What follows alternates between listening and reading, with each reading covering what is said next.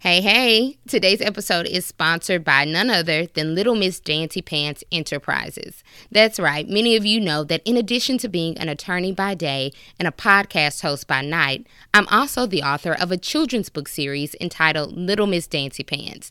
Now, this series was born out of not only my love for dance, but observing how other little girls and boys who have that same passion for the arts just as I did as a kid growing up, could have books where they can see themselves in the stories that they read.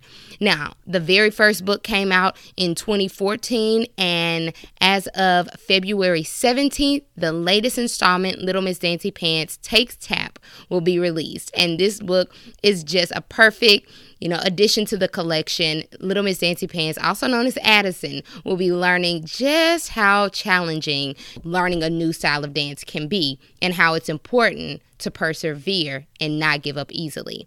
I'm so excited for this release, and it will be available on Amazon.com where you can pre order it now, as well as LittleMissDancyPants.com.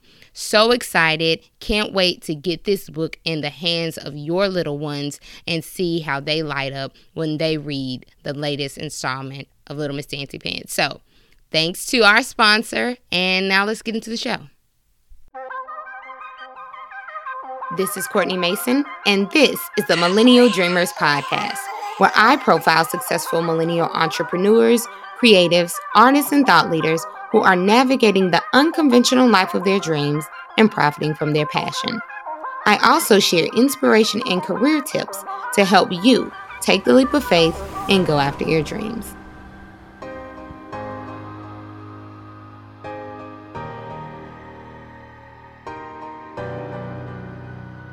Hey, friend. I'm so excited to be back in your earbuds, in your car speakers, on your computer speaker, however you listen. Uh, first, let me start by saying Happy New Year.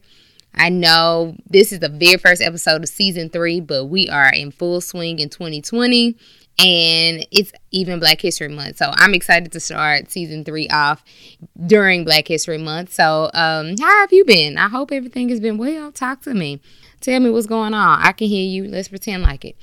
But um, yeah, it's been a lot going on. I took a little time at the start of the year. I didn't want to start season three off immediately because I was like, I want to take some time to just refocus and do some things that I want to do and just kind of center myself. So I've been trying to limit my time on social media. I've been practicing yoga more. I've just been being still, enjoying my friends and family, starting my to do a little travel here and there. A lot of things that I might normal might not normally do um, if I were just kind of tuned, zoned in into doing a bunch of stuff, just trying to, you know, get get the year kicked off because I'm watching everyone else doing whatever they've put in place. So I wanted to kind of take control of that. So that's why I, I decided to push back the start of season three and give myself some time to just breathe and go into the flow of the year the way I wanted to. So, with that said, I'm excited to be back, and I wanted this very first episode to be about something that I feel can set the tone for the year. So, this episode is about why every day matters and how we can make every day matter. I think time is lost on us if I'm being 100% we put in our minds that we have an abundance of it, right? There's no real sense of urgency that we feel. And more often than not, we take our time with whatever it is that we want to achieve under this guise that there's always more time until we have a moment that snatches us back to reality and it recenters us.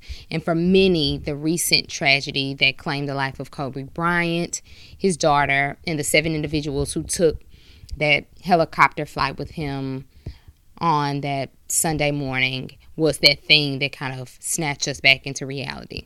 Now, I'm not here to rehash all the things about the accident. I'm not here to talk about Kobe and his legacy. What I am here to discuss is the I want to highlight the impact that that news had on many of us in our consciousness, right?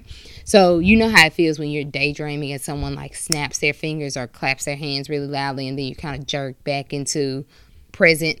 You're not thinking, you're not in your head anymore. You're like, oh, okay, I'm back into reality. I feel like that was the feeling when we heard the news.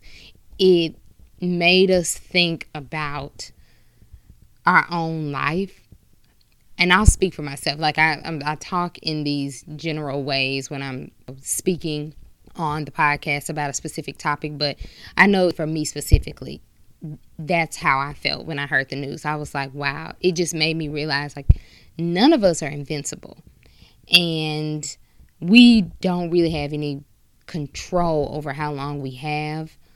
You know, something can happen beyond our control. Someone can um, be reckless and cause us to lose our life. Some illness can come into our bodies that we have no control over. So many different things can happen that can affect how long we're here. So, what are we really doing? Are we in a daze? Are we comfortable and complacent? There shouldn't be a lot of, oh, I have more time when it comes to things that are important. Because what we know that we do have is right now and we get to choose whether what we do right now matters. We don't have to cure cancer or solve the global climate change crisis tomorrow, but what we should be doing is making sure that we're moving the needle forward. What will we be able to say that we did? Did we enjoy endless amounts of time on our phones? Were we experts at all the new releases on Netflix? Did we nap as much as our heart desired? Were we just content with mediocrity? Or will we be able to say that what we did or how we lived our life had a meaningful impact on something or someone? The way we can do that is by making every day count. And I know on the surface that sounds vague and impractical when there's nothing to go along with it. It just sounds like, what does that even mean?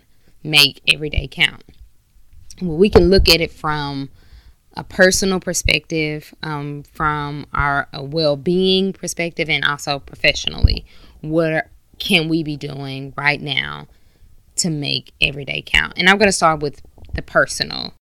Personally, well, a few things that we can do to make every day, day count is set aside a time every day that you can check in with someone different that you care about in our day to day, everyday lives, there are a few people that we probably talk to. Maybe, you know, you, your parents, your mom, your dad, or one of your siblings. You may talk to your partner if you're in a relationship or married. You may even talk to one of your best friends. But there are people that we don't talk to every day, like some of our friends that we grew up with. It could be a relative that, you know, we have a big family and we have an aunt who we love to pieces. She raised us or helped raise us or something, and we haven't just reached out to to that person consistently, whomever it may be. There are several people that you know you care about, and you just don't talk to them on a consistent basis. Put a, a daily calendar like entry or set yourself a reminder to just check in with someone every day, someone different that you don't talk to all the time. Send a text message, make a quick five minute phone call to be like, hey, I just wanted to check in with you, see how you were doing, you know, let you know I love you, something like that. That would mean the world to to people because what can happen is if we continue to just go on about our day and do all the things that we want to do and not make focusing on the people in our lives matter, what we may find is that we look up one day and those people are no longer here and we wish we would have taking the time, taking the five minutes, made a quick phone call to just check in and talk with them and see how they were doing and make sure they were, they were okay. So that's one thing we can do. Also, make it a habit of learning something every day, no matter how small it is or how big it is. Um, it can be on the same subject as the day before. You just learn, you're capitalizing on it. Maybe you read an article. Um, from the Wall Street Journal or you know some something that is niche and specific that you may not have learned about or is not related to your day job or it's just something completely different. I know I found found a podcast recently. I heard some one of my friends was mentioned something about real estate investing in mobile homes and mobile home parks. That's not something that I ever even thought about before. And when she told me that, and like this is a way to get into real estate investing, um, if you're not ready to like maybe buy a single family home or buy your own home or you know buy some type of investment property that's like a fourplex or a duplex or something like that, you can consider mobile home investing. So I said, okay, let me look into that. I found a podcast. I, you know, listen to one podcast episode a day. I would maybe watch a video another day, read an article another day, just something different because this is something I was not aware of. So allow yourself to learn something new on a topic that you're not familiar with every day, whether it's a quick little article, a quick five minute video, it could be a podcast episode, it could be anything. Just learn something every day. And then also, we have to be more conscious of holding ourselves accountable in all aspects of our life, however that may look. If it's uh, making sure that the things that I just said, that you say, okay, I'm actually going to do those things, or commitments that you make to other people, keeping your word, just holding ourselves accountable. I think that's also a way that we can make every day count, being more disciplined, being more intentional with what we do. Secondly, with respect to our well being, we can make every day count by being conscious of what we put into our bodies. What are you eating every day? Make it a, a habit to eat something good every day, whether it's something green, whether you make a smoothie in the morning, whether you saute some kale at night, it, whether you replace like if you eat a lot of chocolate or something. I love chocolate. I love cookies. I love any type of sweets like that. I'm not saying don't have it, but maybe instead of having it at some point during the day, maybe eat fruit. Just making small tweaks because what I found, and I in another episode I talked about this how the small things add up, and before you know it, when you make small changes here and there, then you want to continue to capitalize on those small wins, and it grows into changed behavior and better behavior. So, for our well being, we can make every day count by being conscious of what we put into our bodies and then moving our bodies every day. You'd be surprised at how your joints and muscles and everything get so tense by just sitting and not standing up and moving or walking around or stretching. Find some time before you go to bed every day to stretch. I can't say like workout, workout. Just get outside and, and run because I don't always do that. What I do make a habit of doing is yoga. I've gotten back into my practice where I make sure that I'm doing yoga, if not every day, every other day. In those days that I'm not doing it, I make sure that I stretch. I roll down, make sure that I'm rolling down so my spine can get some movement. I'm like touching my toes and making sure that my muscles are really getting some action and I'm not feeling so stiff because when you just sit and you're looking at a computer all day every day your body sometimes it feels like it's breaking down from at least mine does. So make sure that you're moving every day. And if you are committed to working out, which I need to be as well, and probably all of us should do more of it, work out, exercise, allow your body to to have that movement so you won't look up and you you know you're stiff and you can't do certain things. So that's how we can make every day count with regard to our personal lives well-being and then lastly professionally how can we make every day count? First compartmentalize. We have things that we want to do so we can't get everything on a list, a long laundry list of to dos accomplished every day. But what we can do is focus on the things that we've set aside. What I like to do is write out the big three.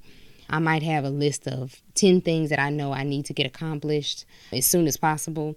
I will take the three most important things and then compartmentalize one of those things. Whenever you're working on one of the three things that you need to get done, focus on that thing do sprints of concentration. So if I've written out three things that I say, okay, I want to get these taken care of today. When I start working on one of those things, I will work on it for about you know 45 minutes with no distractions if I can help it. If my email goes off, I will just say I have 45 minutes to just focus solely on this and then I'll look at that email because 9 times out of 10 it's not that pressing where you have to immediately answer an email. And if so, someone will call you and say, Hey, I need you to help me with this immediately, or, you know, whatever the case may be. But try to, to focus primarily on one thing that you're doing and not allow yourself to be distracted by your phone, email, um, people walking in and talking to you or whatever, if you can, as much as you can, focus solely on the thing and resist the urge to be distracted. I think I put all of I meshed all of the professional things together because I wrote down compartmentalize. I put do sprints of concentration where you're very focused on something and then also identify the three things that you want to get accomplished in a day. If you get those three things done, then move on to something else down the list. But those are ways in our prof- professional life, personal life, and re- with regard to our well being that we can make every day count. It matters that we do well, it matters that we take care of ourselves, it matters that we love on the people that are important to us. That is how we can look up and say, I didn't waste my time. I was productive when I needed to be, I was present when I needed to be for the people that mattered and I was good to myself. That's how we move the needle forward and can be proud of ourselves going forward. I hope that we all look at tragedies that happen and things that snap us back into reality as a way to refocus and recenter what's important. And that is exactly what I intend to do. So I hope you will do the same. And thank you for listening to the very first episode of season three. I will be back. We will have some amazing guests on this season and topics that I think you will really find interesting and useful. So uh, that's all I have, and you take care of yourself. Peace.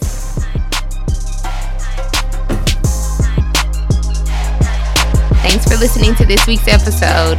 But before you leave, hit the subscribe button and leave a comment. We want to know what you think about the episodes that you've heard so far. Let us know by subscribing and leaving a comment. And again, thank you for tuning in. We'll talk soon. Peace.